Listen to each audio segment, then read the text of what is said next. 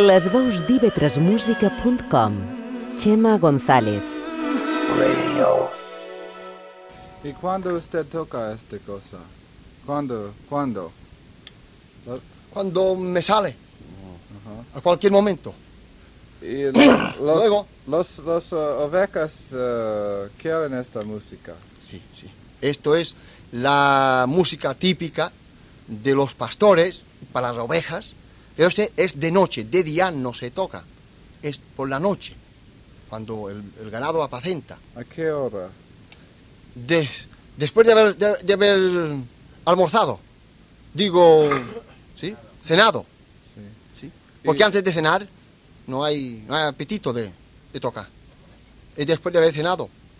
Y, uh, y las uh, ovecas uh, van a do- dormir cuando usted... A, la- a las una, dos de la madrugada, Ajá, eh, luego se van a dormir, y el pastor también. sí. Pero uh, después en uh, concierto de, de la música. Sí. Y cuando, cuando hemos tocado la última, que estamos cansados de, de tocar, vamos a dormir una hora o dos. Según. Me, uh, ¿Usted cree que las ovecas uh, conocen las diferentes melodías? ¿Comprenden? Esto, si es una melodía muy violenta, Sí. creo que hacen algo. Además, si es un rebaño que no ha oído nunca la gaita o el tamboril, se ponen así. Hasta que a los dos o tres o cuatro o ocho días, que la- ya conocen aquello, sí. Puede pasar usted por el medio y no se mueven. Pero si eh, es las primeras veces se hacen miedo, piran. Pero es, es, es, es una cosa de, de, de gusto. Sí, Ajá. sí. Y cuando él, eh, cuando él tiene eh, el gusto por uh, este Sí. flauta, es bueno. Eh, bueno, Y, y son eh, más contentos, creo, cuando usted tocan, ¿o no?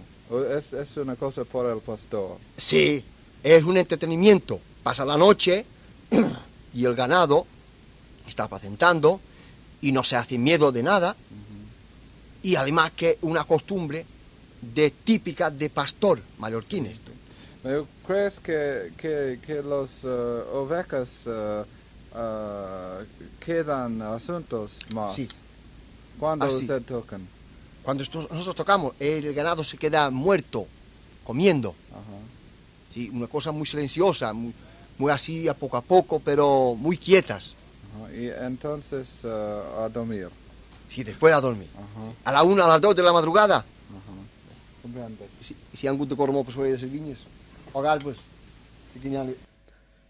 Benvinguts a Les Illes Resonants, un podcast d'IV3 Ràdio dedicat a la música tradicional i els enregistraments de camp. Hem començat avui sentint una conversa entre en Sebastià Ordines, de Consell, i el musicòleg nord-americà Alan Lomax.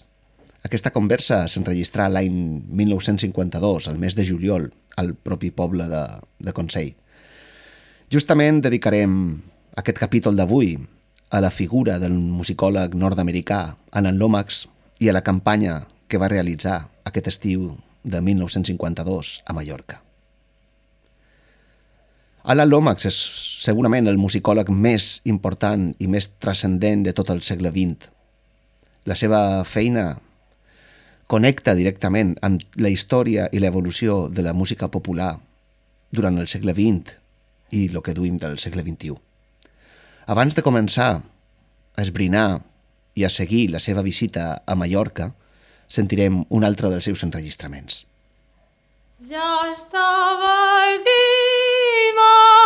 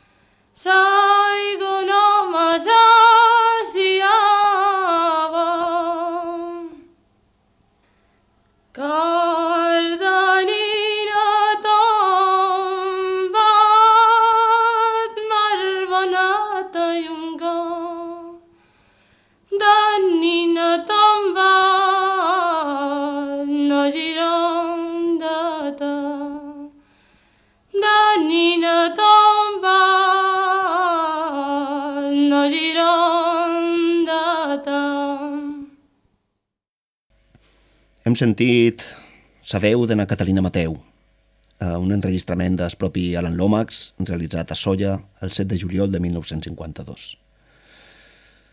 Alan Lomax, com hem comentat, és probablement el musicòleg més important de, de tot el segle XX i XXI.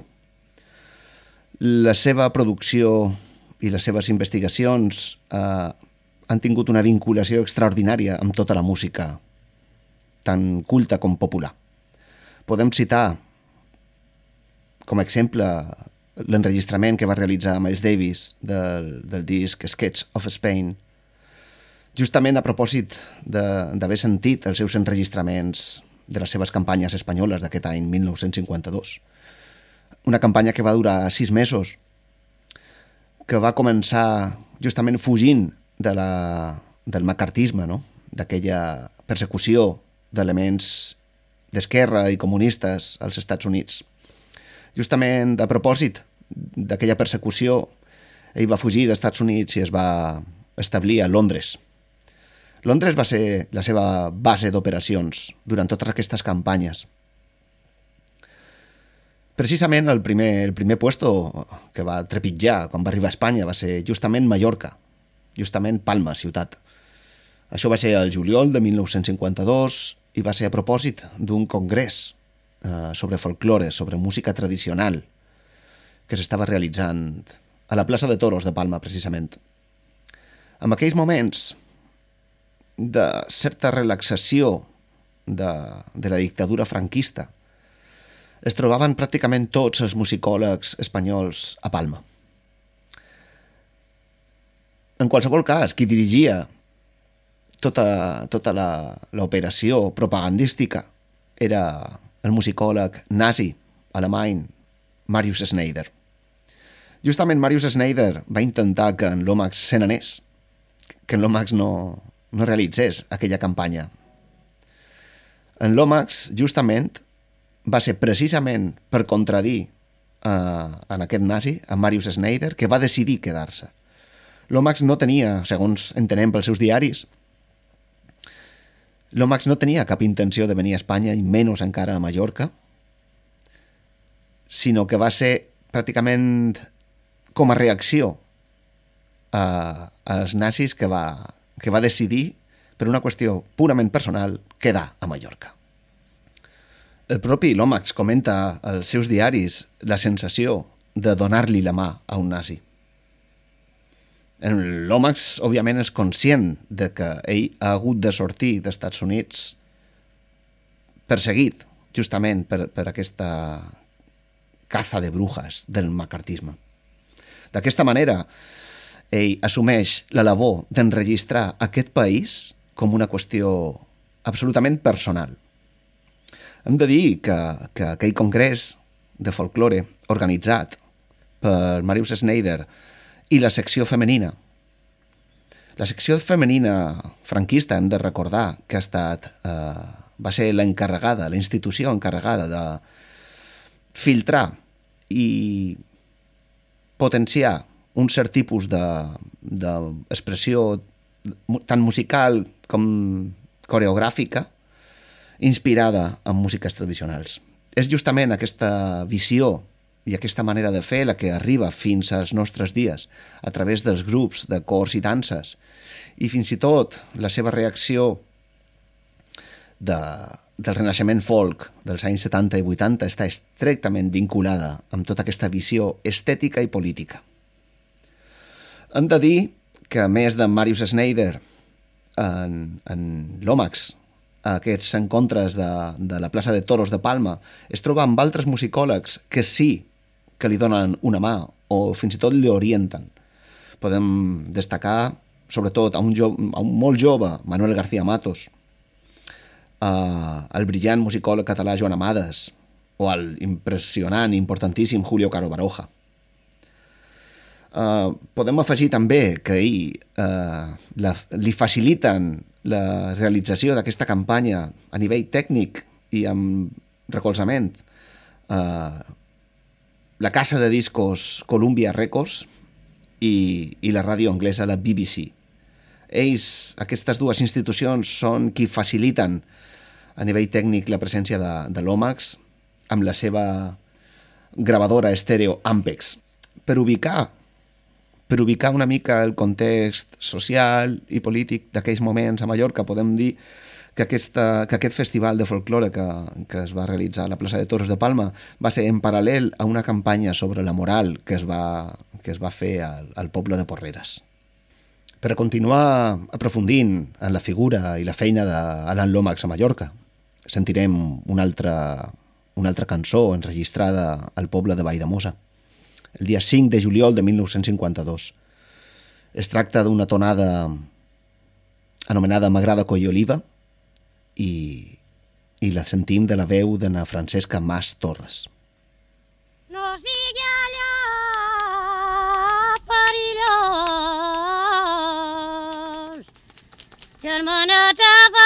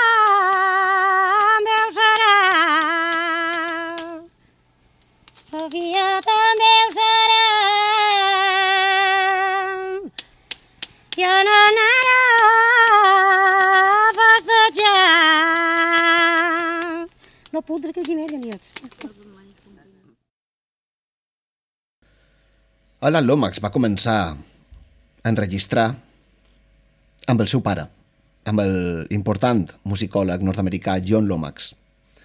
No va ser fins als 22 anys quan va començar a un estiu a enregistrar sobretot presoners a les presons de Texas, de Louisiana i de Mississippi, i també treballadors afroamericans que en aquells moments encara vivien en unes condicions pràcticament d'esclavitud. Lomax eh, va estudiar filosofia i va, va fer feina molts anys per la Biblioteca del Congrés. Probablement el més interessant de tota la seva investigació a partir dels materials que ell mateix va enregistrar va ser el, la creació del seu propi sistema per analitzar les cançons. Ell ho va anomenar cantomètrica. I és aquest sistema eh, amb el que ell intenta cercar les relacions entre el corpus musical i la sociologia, l'antropologia, les condicions socials, culturals i materials de la vida d'aquestes comunitats que representen la seva realitat a partir de la música. Aquest fet el distancia de qualsevol folclorista que havia fet feina a les nostres terres fins a aquell moment. A les antípodes de qualsevol essencialisme i de qualsevol reproducció, diguéssim, coreografiada, reconstruïda de les tradicions musicals. Més enllà d'això, amb aquest sistema cantomètric, en Lomax aconsegueix establir aquestes relacions, amb la qual podríem dir, podríem afirmar que a part d'aquesta distància, d'aquest distanciament amb aquells folcloristes, la majoria d'ells cures i frares en cerca d'una identitat mítica i essencial. En contra d'això, en Lomax vol establir la relació directa entre la sociologia i la musicologia. Continuam sentint una tonada anomenada En acabar de segar, enregistrada al poble de Solla el dia 7 de juliol de 1952, cantada per la fascinant veu de na Catalina Mateu. I en acabar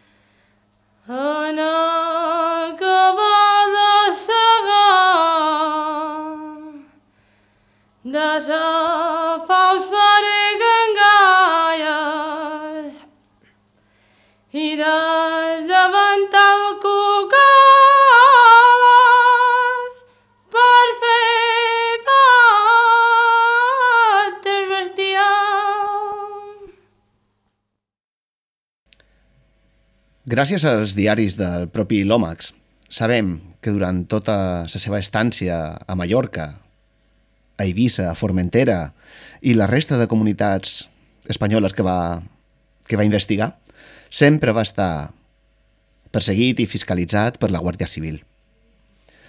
Va ser l'any 2006, gràcies a una investigació d'un altre musicòleg, que vam descobrir els, els arxius de l'FBI nord-americà el seu expedient. L'expedient del Lomax és un expedient de 800 pàgines. Uh, se li intenta cercar qualsevol tipus de connexió política que les té. Però la informació més, més curiosa que tenim d'aquests informes és la, les observacions que es fan a, a partir de la seva pròpia persona, perquè ni, ni l'FBI, en aquest cas, ni la Guàrdia Civil, molt manco, eh, durant la seva estància o estada a Espanya, entenen què fa aquest senyor. No acaben d'entendre. De l'FBI podem extreure joies com aquesta. Ets un individu eh, certament peculiar, amb facilitat per la dispersió i amb cap cuidat per la seva apariència estètica. Té uns hàbits de bevedor i unes relacions absolutes amb tots els conceptes i, corre i corrents d'esquerra. Amb això, bé, podem definir que, bàsicament, que l'FBI no sabia ben bé què feien a Lomax. Si les forces de seguretat i l'espionatge americà no tenien clar què feia aquest senyor, molt manco encara ho tenien els seus informants. Ara sentirem una, una tonada cantada per Francesc Capó i per la seva filla Maria Capó a Solla, a l'any 52, un 7 de juliol. Na Maria Capó encara viu. Nosaltres hem tingut ocasió d'entrevistar-la i, i ella afirma això, que no sabia ben bé què, feia aquest senyor amb aquella gravadora. A continuació sentim aquesta tonada que es diu Des que som Figueroler. Uh, na Maria Capó i aquesta tonada dona bona, bona mostra es va folcloritzar. Na Maria Capó de ben petita va començar a estudiar música i va, va participar en tots els, aquells grups de coros i danses i va folcloritzar el seu estil de cant. I des que som Figueroler, Sardana m'embarrialen.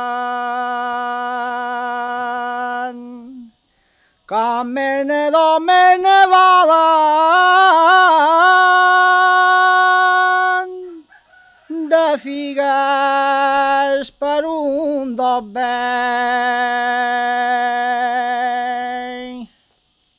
Além do homem já figas, te convido e vens desfigurá-lo. Que de desfigurá-lo.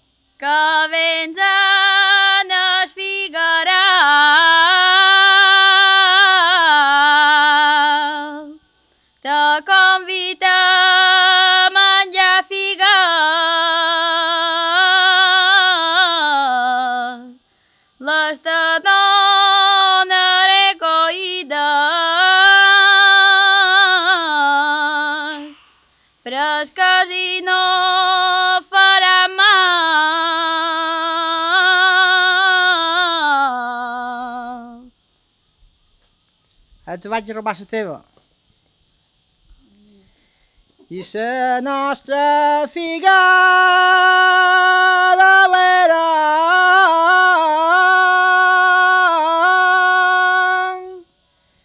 i ha caigut d'un si mal.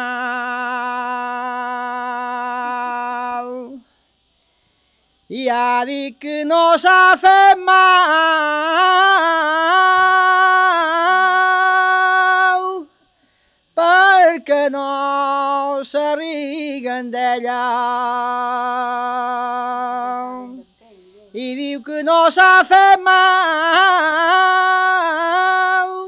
perquè no s'arriguen d'ella.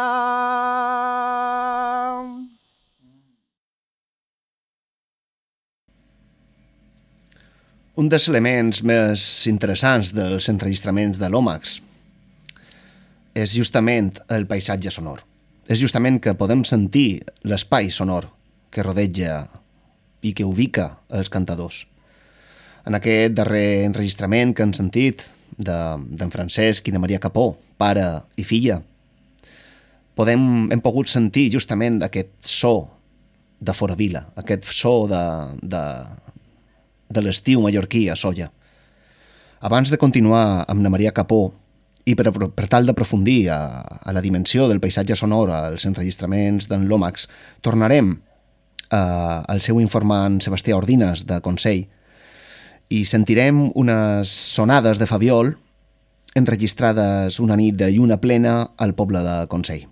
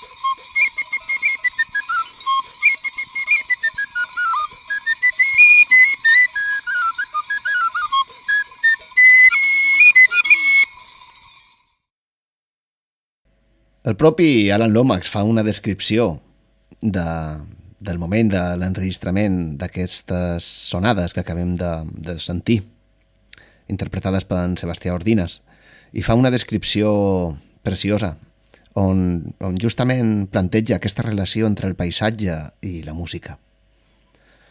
Si a l'anterior podcast d'aquesta sèrie vam xerrar amb el musicòleg Amadeu Corbera sobre les possibles polifonies tradicionals, a partir de la feina d'en Lomax i de la etnomusicologia contemporània podríem afirmar més aviat el contrari.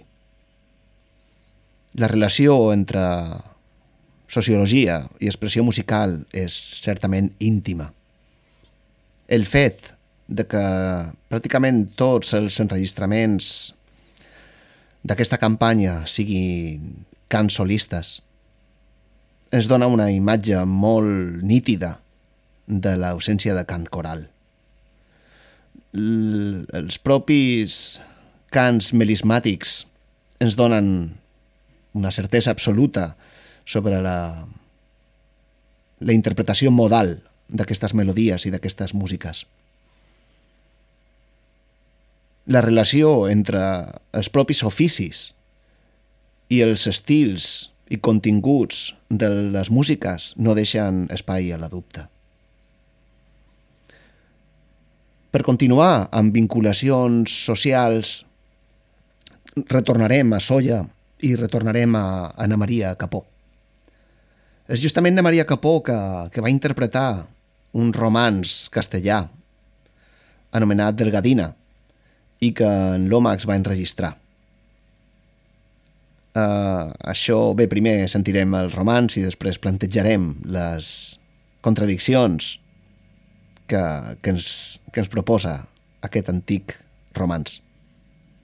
Un padre que tenía tres hijas, todas tres como oro y plata, todas tres como oro y plata. Y la más chiquitinita, Delgadina se llamaba, Delgadina se llamaba. Un día estando en la mesa, su papá se la miraba, su papá se la miraba. ¿Por qué me miras, papá? ¿Por qué me mira la cara? ¿Por qué me mira la cara? ¿Cómo no te de mirar si has de ser mi enamorada? Si has de ser mi enamorada. Si yo tenía que ser de padre la desposada y madre de mis hermanas. Preferiría morir encerrada en una sala, encerrada en una sala. Hem sentit Ana Maria Capó de Solla interpretar un, un antic romans castellà anomenat Delgadina. Aquest romans eh, sempre s'ha cantat en castellà, com a, com a altres parts del romancer, i la pròpia Maria no sap a on, a on el va aprendre, no sap d'on l'ha tret, no sap a on l'ha sentit. No li va saber dir en, en Lomax, aquest 7 de juliol de 1952 a Solla, i tampoc s'han recordat quan nosaltres mateixos l'hem entrevistada. El que sí que podríem anomenar o fer al·lusió com a curiositat és que un projecte musical propi anomenat Cap de Turc vam dedicar el nostre primer disco al romancer tradicional. La primera cançó d'aquest disco va ser precisament una versió d'aquest romans de Delgadina. La diferència és que nosaltres el vam traduir en el català i per primera vegada i per iniciativa pròpia. Al cap d'uns mesos es va posar en contacte amb nosaltres la Conselleria de d'Educació i Política Lingüística per tal de fer servir aquells romans a una campanya de sensibilització lingüística del català. Aquestes contradiccions, aquestes paradoxes, són constants al món de, dels estudis musicals i musicològics, a l'antropologia i a l'etnografia. És només des d'una visió folcloritzant, reaccionària, on s'entén la cultura com una mena d'esperit essencial. No és gens casual que el propi mot folklore sigui una paraula alemanya. Continuant posant de relleu la importància de la feina d'en Lomax dins el camp de la musicologia i de la pròpia música, de la pròpia evolució musical del segle XX i XXI, podem posar de relleu que els enregistraments que estem sentint avui són en part de les estrets de les edicions que ha fet la discogràfica Rounder sobre l'arxiu de Lomax, que es diu The Lomax Collection, especialment de, de l'apartat eh, dels enregistraments realitzats a Espanya, que es diu The Spanish Recordings. Estem sentint algunes cançons estrets del volumen dedicat a Mallorca. Però al mateix temps també estem sentint part de l'arxiu inèdit que, que està allotjat a la, a la pàgina web de la, de la Fundació Alan Lomax. Per posar de relleu aquesta vinculació entre les músiques més avançades contemporànies i la feina del musicòleg Alan Lomax podem, podem matitzar, podem subratllar que el director de, del projecte de digitalització de tot aquest arxiu eh, coordinat i dirigit per la Anna Lomax, filla del propi Alanx, va ser o ha estat en Don Fleming, que és un productor musical molt conegut, per exemple, per haver, per haver estat el productor de grups com Sonic Youth. Un dels elements que més fascinació van causar en en Lomax va ser justament la ximbomba. Va ser justament les gloses eh, improvisades amb la ximbomba.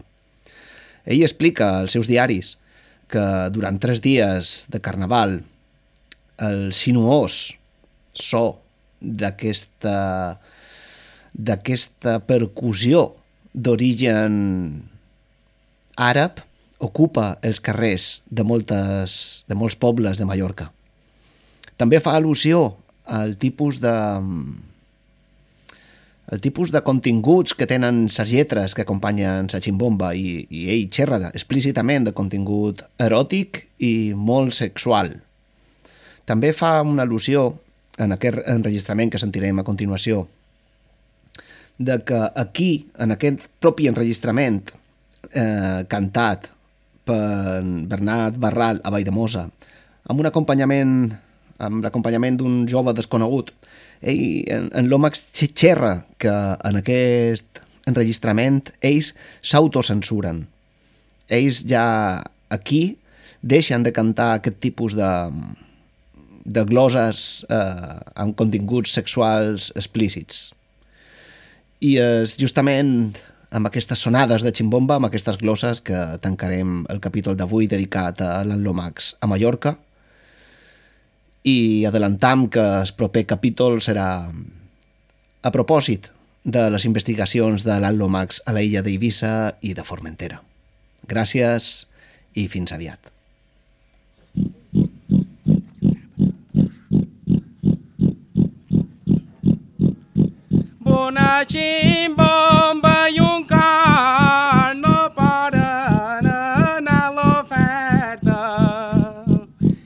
no poden